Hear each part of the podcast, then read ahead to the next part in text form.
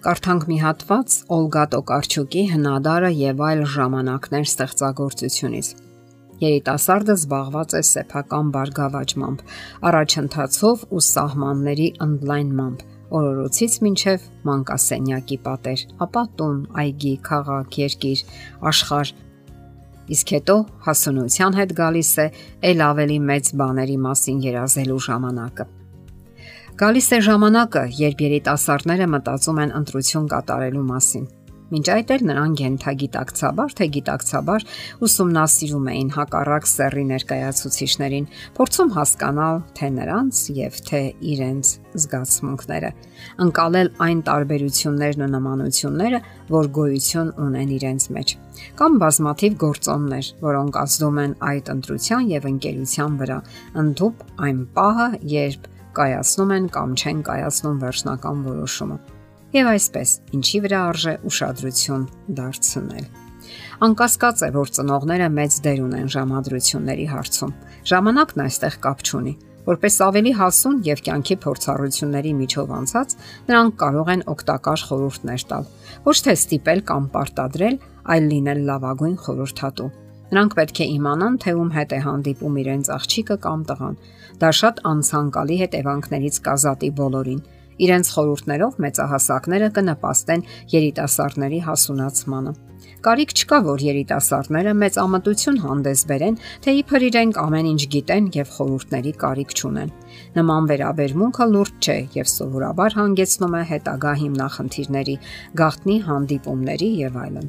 Ընդհանրապես ծնողները կենսական ավելի մեծ փորձառություն ունեն, հիանալի են հասկանում իրենց զավակներին եւ նրանց չլսելը կարող է բացասական հետևանքներ ունենալ։ Ծնողները նաև այն զսպող ուժն են, որ հետ են պահում երիտասարդներին անխոհեմ արարքներից։ Ահա թե ինչու հարգանքը նրանց կարծիքի հանդեպ կարևոր է եւ արդարացված։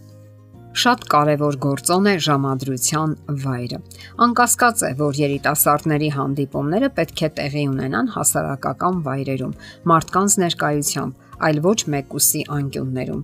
Նշանաբանը սա է. դուք շփվում եք միմյանց հետ եւ ճանաչում միմյանց բնավորությունը, ինչպես նաեւ գիտակցում, որ գոյություն ունեն պարկեշտության տարական կանոններ, որոնք հարկավոր է հիշել եւ պահպանել։ Իսկ մեկուսի վայրերը այն լավագույն վայրերը չեն, որ կարող են նպաստել դրան։ Որոշակի դեպքերում դուք կարող եք հանդիպել նաև տան պայմաններում եւ անկասկած ծնողների ներկայությամբ։ Նաև կարիք չկա հանդիպել ուշ ժամերի եւ դարձյալ միայնակ։ Թող խոհեմությունը լինի ձեր լավագույն բարեկամը։ Ընդհանրապես հարկավոր է հիշել, որ ցանկացած հարաբերություն մտքերի, գաղափարների ու կարծիքների փոխանակություն է։ Մարդը սովորաբար ստանում է այն, ինչ տալիս է, եւ ամենից առաջ հարկավոր է մտածել, թե ինչ եւ ինչպես կարող եք տալ։ Ուսումնասիրեք այդ ոլորտը տեսականորեն, որտեղ բազմաթիվ նրբերանգներ կամ գաղտնիքներ կան թաքնված։ Օրինակ, հոգեբանական ինչ սահմաններ ու տարածություն եք պահպանում դուք, ով տոն է տալիս հարաբերություններին հուզական ինչ մակարդակ եք պահպանում։ Երբ հուզականությունը ցածր մակարդակի վրա է, մարդը կարող է ձանձրանալ եւ փորձել նոր բարձունքներ նվաճել։ Իսկ երբ բարձր է, հնարավոր է ոչ միայն հոգնել, այլ ժամանակից շուտ այրվել ու մոխրանալ։ Կարիք չկա նաև արագացնել հարաբերությունները, ուժգին առաջ հրել սայլը։ Շատերը հենց այդպես էլ անում են, ինչի արդյունքում տեղի են ունենում չնախատեսված եւ անցանկալի իրադարձություններ, որոնք ավելի շուտ քայքայում են հարաբերությունները, քան ամրացնում։ Հարաբերություններում չպետք է լինեն պարտադրանքներ եւ բռնություններ։ Յուրաքանչյուրը պետք է մտածի նաև դիմացինի հետաքրքրությունների եւ մարդկային առանձնահատկությունների մասին։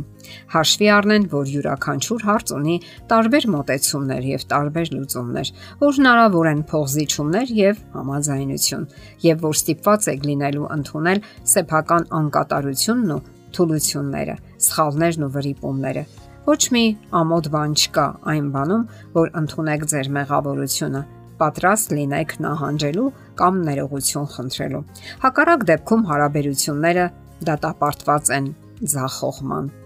Ուշադրություն դարձրեք նաև այն բանին, թե ինչպես է արձագանքում դիմասինը ձեր խոսքերին, արարքներին ու վրիպումներին։ Եթե նա կոպիտ է ու անհանդուրժող, ապա դա բնավորության բացասական որակ է։ Այն կարող է դրսևորվել նաև հետագա հարաբերություններում եւ ձեր միությունը կվերածվի մարտադաշտի։ Նախորոք պետք է զրուցել այդ մասին, պայմանավորվել, որ փոխադարձ հանդուրժողականությունը եւ փողզիչումը պետք է իշխի ձեր հարաբերություններում։ Իմացեք, սխալվում են բոլորը Սակայն բոլորը չէ որ գիտակցում են իրենց սխալները եւ հատկապես ներողություն են խնդրում, պատրաստ լինելով այլևս չկրկնել դրանք։ Եվ եթե մարդը պատրաստ չէ գիտակցելու եւ ընդունելու իր սխալները, դա անսխալականության բարդույթ է եւ խոչընդոտ բնականon հարաբերությունների համար։ Նման ամուսնությունները սովորաբար դատապարտված են ձախողման եւ ոչ քիչ դեպքերում ամուսնալուծությունն անխուսափելի է։ Թե ինչ, խոր մտածեք եւ ճիշտ ընտրություն կատարեք։ Դուք ժամանակ ունեք դրա համար, հենց այնպես պետք չէ վատնել այն։ Եթերում է ճանապարհ երկուսով հաղորդաշարը։ Հարցերի եւ առաջարկությունների համար զանգահարել 033 87 87 87 հեռախոսահամարով։